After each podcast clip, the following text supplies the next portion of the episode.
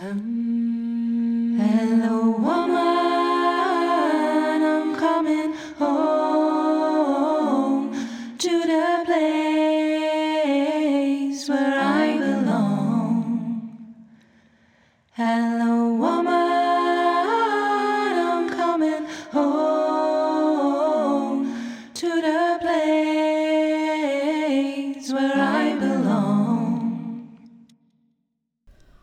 lieve mensen, welkom bij een nieuwe aflevering van Hello Woman de podcast. In deze aflevering ga ik jullie meenemen in het onderwerp familieopstellingen. Als je me een tijdje volgt, als je een beetje weet hoe ik werk, dan is mijn ehm, middel vaak om bewustwording te vergroten, maar ook om beweging te creëren, zijn familieopstellingen. En dat kan zowel één op één bij mij in de praktijk als in eh, groepen. En ik wil graag wat meer delen over wat is een opstelling nou? Hoe werkt dat, hoe werkt dat dan in de praktijk? En, en ook wel ja, welke wetmatigheden, welke informatie zijn een soort van generiek als het gaat om familiesystemen. Er zijn natuurlijk ongelooflijk veel boeken over geschreven en er is ontzettend veel informatie over bekend. Dus ik zal niet ehm, dat gaan herhalen in deze podcast. Ik zal vooral proberen om het praktisch te maken. Voorbeelden te noemen uit de praktijk. En ik heb laatst ook zelf weer een opstelling mogen ontvangen. En die zal ik ook in deze podcast bespreken. En daarmee meteen een hele vervelende disclaimer. Ehm, het is onmogelijk om jullie precies te laten voelen, te laten ervaren wat er mogelijk is in een familieopstelling. Dat kan alleen maar als je erbij aanwezig bent geweest. Of als je het zelf hebt ervaren. Of als je als representant bent geweest in een opstelling.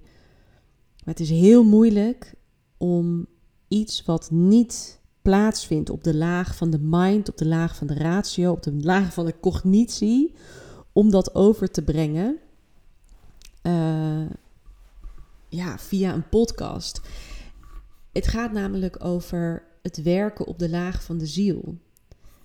En als je de vorige podcast hebt geluisterd over het innerlijk kind, daarin vertel ik over overlevingsmechanismen. En als je realiseert dat 90% van de mensheid onvolwassen is, oftewel handelt, denkt en doet vanuit zijn overlevingsmechanisme, ja, dan is het begrijpen van de laag van de ziel ongelooflijk moeilijk.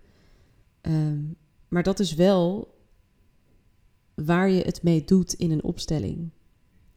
En dat is in mijn beleving ook waar de heling plaats kan vinden. Voorbij het overlevingsmechanisme, voorbij ja, die beschermingsstrategieën die we allemaal met ons meedragen. Nou, een opstelling kan je doen omdat je voelt, nou, je hebt ergens last van. Dat is sowieso punt 1. Je loopt ergens tegenaan.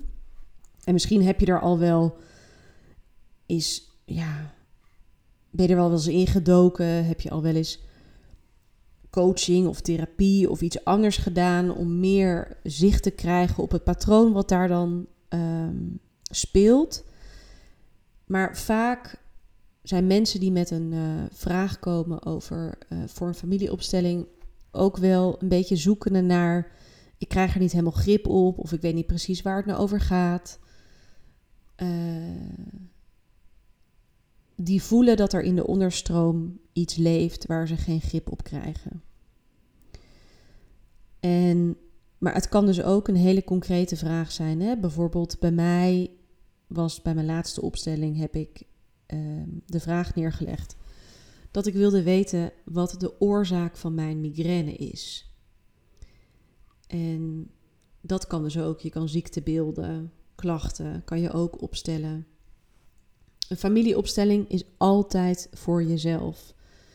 Dus je kan niet zeggen van, oh, ik zou graag willen weten voor mijn moeder wat er bij haar leeft. Um, je kan alleen zoiets doen als jij ook last hebt van die situatie met je moeder. Wat wel kan, maar waar ik wel heel voorzichtig mee ben, zijn opstellingen voor je kinderen. Ehm, ik ben daar zelf ook niet in gespecialiseerd. Ik ken wel mensen die dat doen. Die werken ook zelfs met kinderen. Ehm, en vaak doen kinderen wel mee in een opstelling. Alleen, hè, dus als jij bijvoorbeeld wilt weten waar je kind last van heeft, of wat er in de onderstroom voor je kind aan blokkades zitten, dan kan dat zeker, ook zonder dat je kind erbij is. Ehm, maar dan nog, als je bij mij zou zijn, zal ik je uitnodigen om te onderzoeken. Maar waar heb jij dan last van in relatie tot waar je kind tegenaan loopt? Ik zal het altijd persoonlijk maken. Nou, dat is waar je mee begint. Je loopt ergens tegenaan. Je bent ergens naar op zoek. En dit is meer dan alleen nieuwsgierigheid. Dus als iemand nieuwsgierig is, goh, ik zou wel eens willen weten, of uh, dan ben je bij mij niet aan het juiste adres. Dus er zit een soort lading en energie achter die vraag die jij stelt. En ik ga nu meteen even de, het onderscheid maken tussen een individuele opstelling en een groepsopstelling. Dus als jij één op één met iemand gaat werken in een opstelling, dan gaat die persoon die jou gaat begeleiden, die gaat dan ehm, ja, gebruik maken van voorwerpen of iets waarmee dus die delen die jij, of niet die jij, maar die opgesteld mogen worden, gaan representeren. Ik heb bijvoorbeeld in mijn praktijk een houten familie. Allemaal houten poppetjes met verschillende kleuren en vormpjes en maten. En die zet ik heel vaak in bij een eerste aanzet voor een opstelling. Maar het gebeurt ook heel vaak dat we in de ruimte gaan werken. Dus dan leggen we of A4'tjes of stenen of dat noemen ze dan vloerankers neer op de grond, waarbij dat veld dan zichtbaar wordt. Want je zou kunnen zeggen dat op een, tijdens een opstelling wordt zichtbaar gemaakt wat in de diepte speelt. We gaan inzicht krijgen in het krachtenveld waarin jij je verkeert. En een opstelling is een soort visualisatie van het patroon en de bijbehorende dynamiek waar jij mee te maken hebt. En je kan dus echt alles opstellen, dus zowel privé als professioneel. En wat je doet tijdens een opstelling is systemisch kijken. Nou, dat hoef jij als cliënt of als vraaginbrenger allemaal niet te doen, maar dat doet degene die jou begeleidt wel. En wat diegene dus doet, die gaat oog hebben voor het enorme veld, voor, hè, voor het enorme web, waardoor alle personen en gebeurtenissen binnen jouw familiesysteem met elkaar zijn verbonden en hun effecten hebben in het verleden, het heden en de toekomst. En wat je doet tijdens een opstelling zijn alle elementen van dat veld, van dat krachtenveld, van jouw vraag of vastgelopen proces of jouw klacht, die worden in kaart gebracht. Dus je begint met het centraal stellen van een probleem.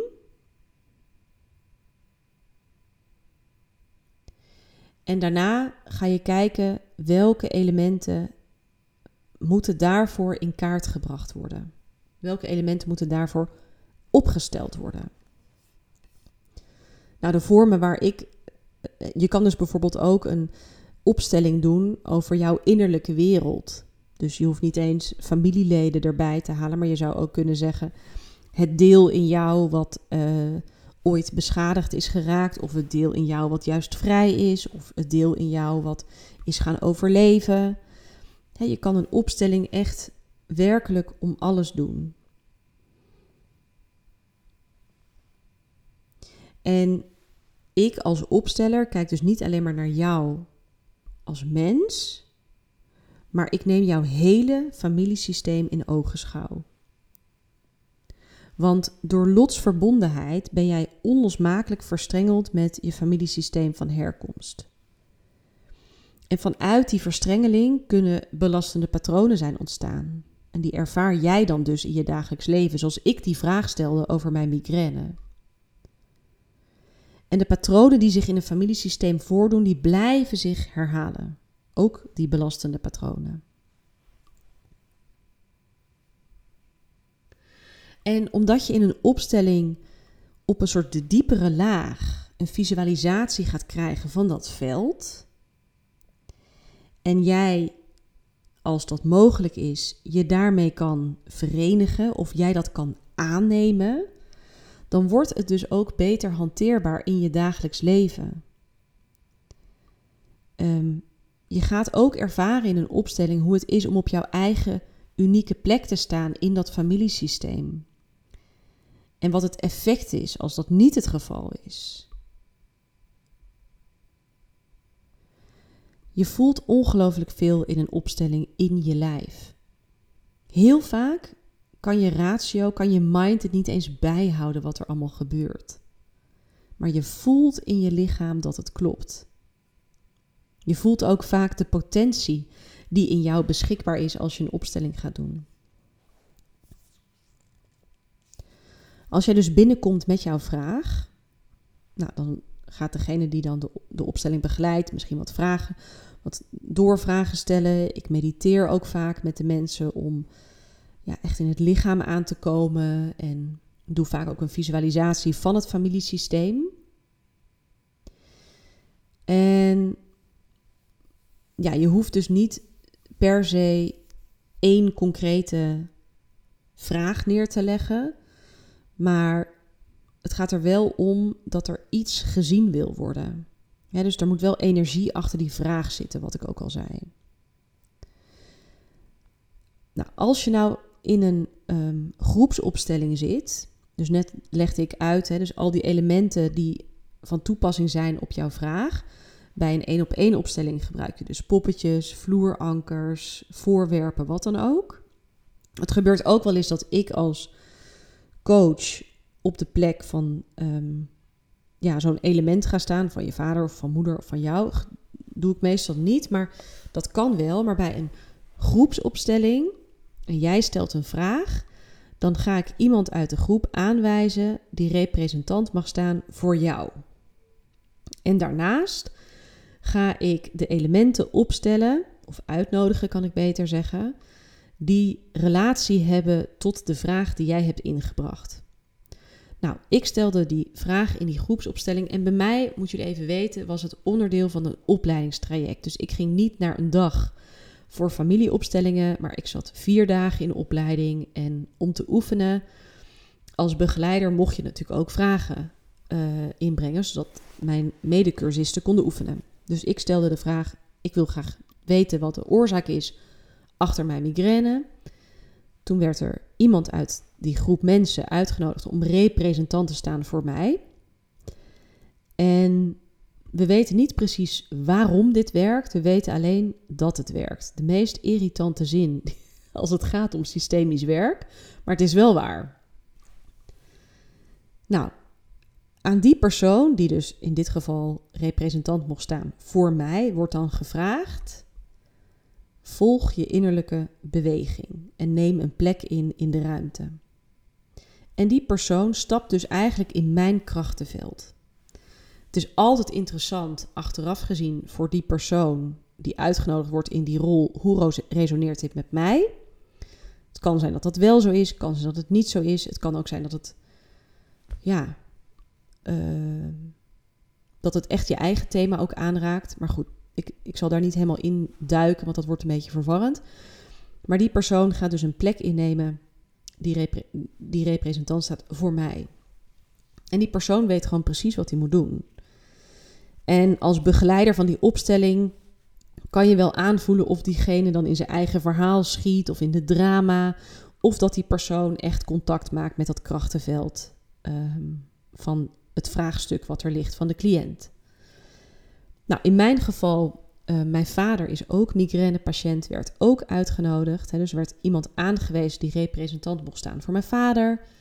Hè, volg je innerlijke beweging, neem een plek in, in de ruimte. En ehm, het mooie is dat representanten die blijken dus in staat te zijn om echt heel zuiver te voelen wat, in, wat, wat zich afspeelt in de personen die ze representeren. Die mensen die weten soms teksten te zeggen, maar ook lichaamstaal, non-verbaal, wat, wat echt één op één bijvoorbeeld mij is, of één op één mijn vader is in dit geval. Ehm, ja, het wordt dus echt helder hoe, de, hoe jij als vraagsteller, of ik dus in mijn eigen opstelling, mijn, verha- mijn verhouding staat tot die anderen. Mijn blinde vlekken worden zichtbaar. En je gaat dus na, nadat je inzichtelijk hebt gekregen wat nou die dynamieken zijn, wat nou die verhoudingen zijn, na de diagnose tussen aanhalingstekens, ehm, wordt gekeken welke interventies er mogelijk zijn. En je zou kunnen zeggen dat 90% van een opstelling is alleen maar waarnemen en kijken. En 10% van een opstelling, of 10 à 20%, 80 à 90% waarnemen, 10 à 20% is eh, interventies.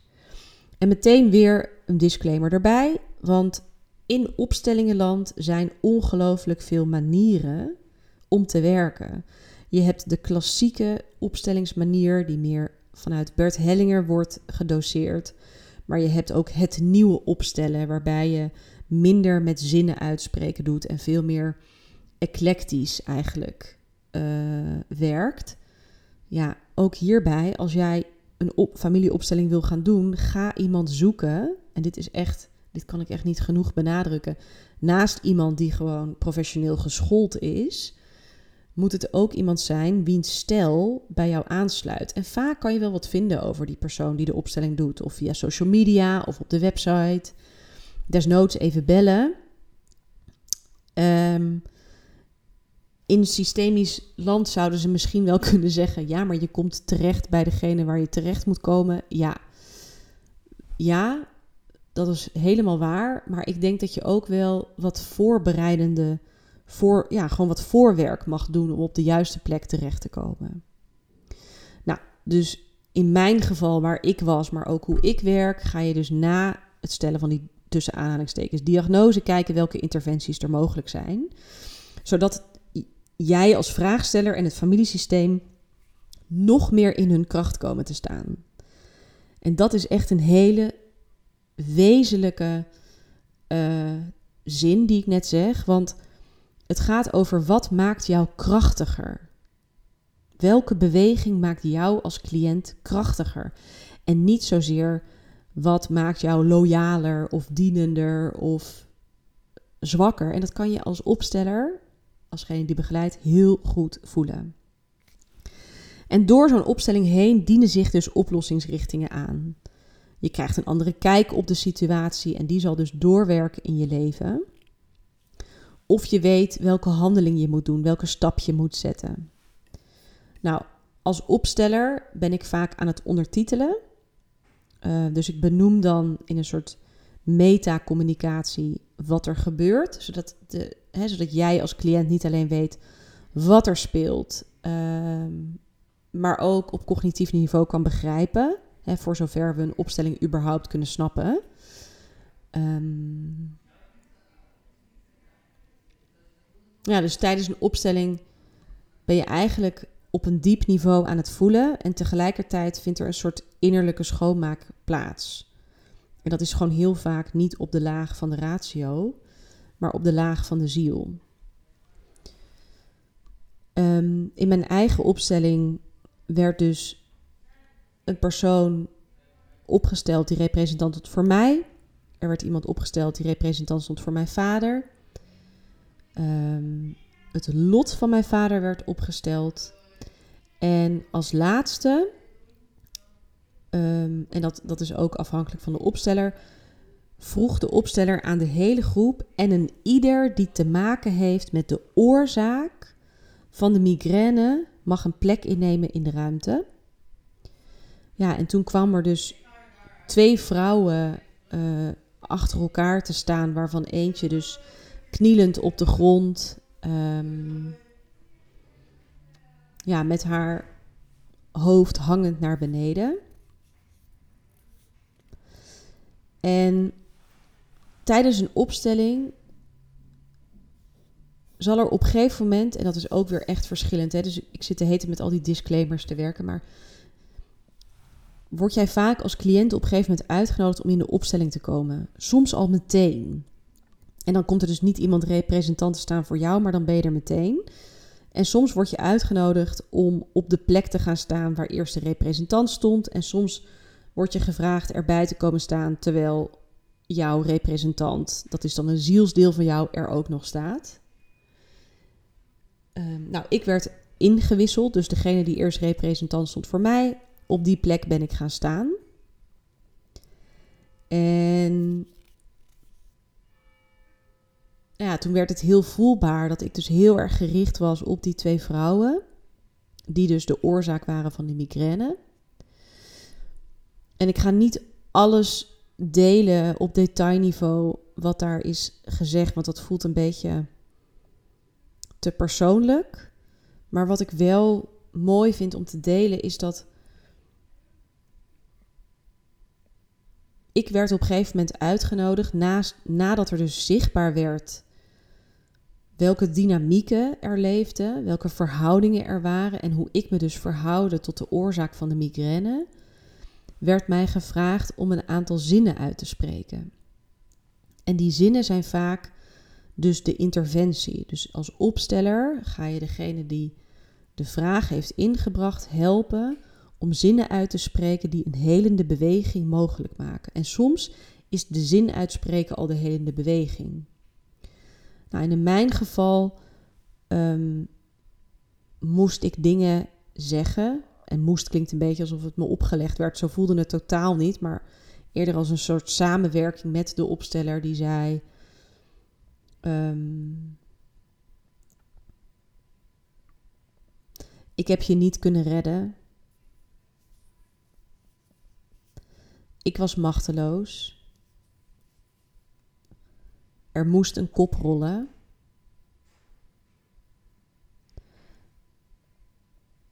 En ik moest een zin uitspreken die ik volgens mij wel vijf keer heb herhaald. En dat was wij vrouwen. Wij vrouwen. En in de opstelling werd er dus ook ondertiteld um, dat het ging om een vrouw die op het die met haar hoofd in een schavot zat of lag. Ik weet niet precies hoe je dat zegt. En haar kop moest rollen, omdat haar unieke, fijngevoelige gaven geen bestaansrecht mochten krijgen. En dit linkt natuurlijk enorm aan mijn persoonlijke thema. Dat ik de afgelopen jaren heb ik een reis gemaakt die gaat over van doorgeschoten mannelijke energie en doen en presteren en gaan naar veel meer vertragen en zacht en in mijn lijf aanwezig komen, uh, aanwezig worden. Ehm, en ook wel meer mijn fijngevoeligheid inzetten in mijn werk. Ehm, ja, dus de migraine voelt echt als een soort loyaliteit aan het familiesysteem. Terwijl ik er ook het is dus ook zo'n hoge prijs die je betaalt. En het mooie vind ik nog om in, in de opstelling bij mij was het dus mogelijk daarna om naar mijn vader toe te lopen.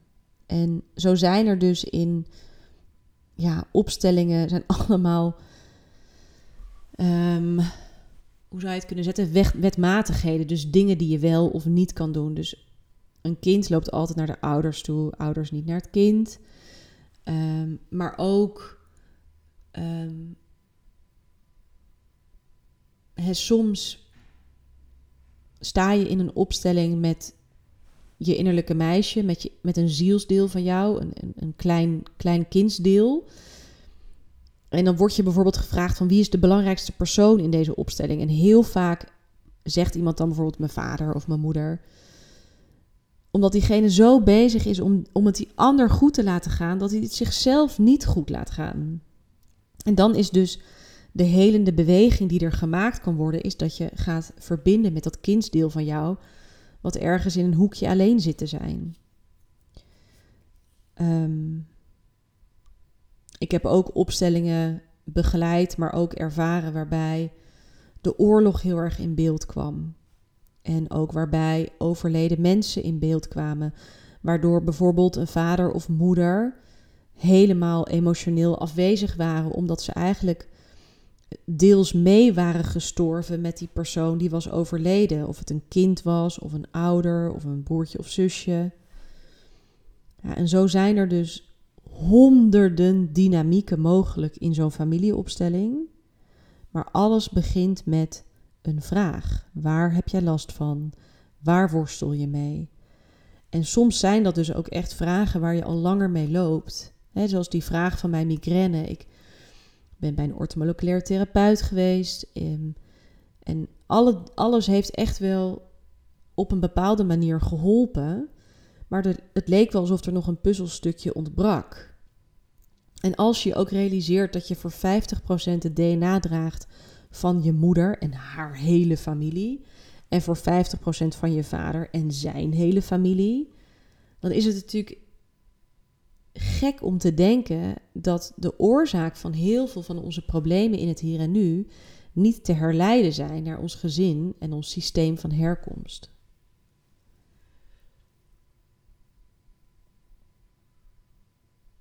Ja, familieopstellingen. Een machtig mooi middel om bewustwording te creëren, om inzicht te krijgen. Maar ook uiterst zuiver. En wat ik daarmee bedoel te zeggen is. Het is vaak echt straight to the kern. Lekker Engels-Nederlands door elkaar. Ja, het is echt vaak recht naar de kern toe. En dat vind ik ook zo mooi. Een opstelling is ook heel vaak niet de ideale situatie. Het is heel vaak ook een situatie die uiterst pijnlijk is, maar omdat jij kan zien dat dat het enige mogelijke is wat er haalbaar is en wat er kan, en jij gaat die situatie aannemen voor wat die is, dat is zo bevrijdend. Ja, echt prachtig. En het is dus vaak ook wel een proces wat tijd nodig heeft om te landen en te integreren. Het is niet een quick fix. Het is echt iets wat daarna vaak nog aandacht vraagt om verder te laten landen in je systeem. Als jij bijvoorbeeld in die, in die opstelling voor het eerst zichtbaar gaat krijgen dat je loyaal bent aan je moeder en haar lot, of je draagt haar lot, ja, en je hebt iets van een helende beweging of een zin kunnen uitspreken, je loopt vervolgens die zaal uit, ja, dan moet ik jouw hele systeem weer opnieuw gaan kalibreren. Integreren, dat heeft vaak wel aandacht en steun en support nodig. Probeer ook niet andere mensen te vertellen over je opstelling ehm, als je zelf het nog niet helemaal hebt laten landen in je systeem.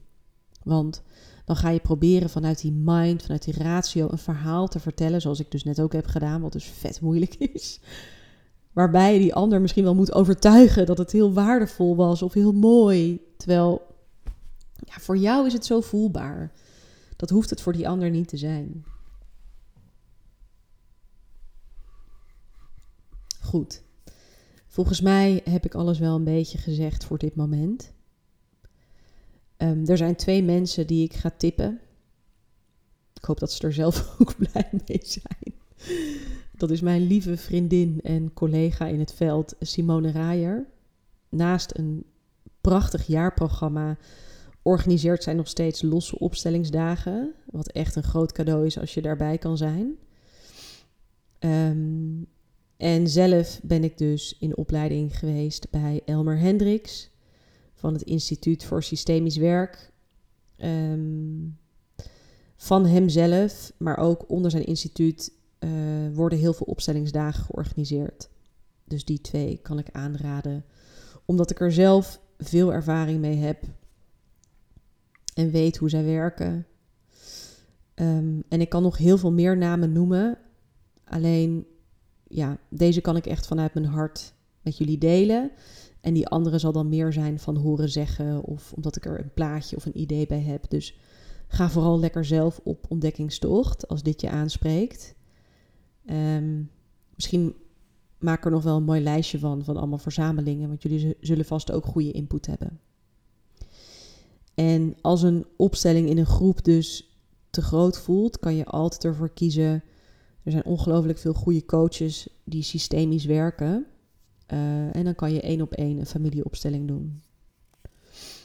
En je kan ook altijd ervoor kiezen om als representant eerst eh, aanwezig te zijn bij een familieopstelling. Misschien word je wel gevraagd. Je mag ten alle tijde weigeren om, die, om een plek in te nemen. Maar het is ook een mooie manier om, laagdrempelige manier om eens om te leren kijken hoe dat werkt en hoe dat gaat.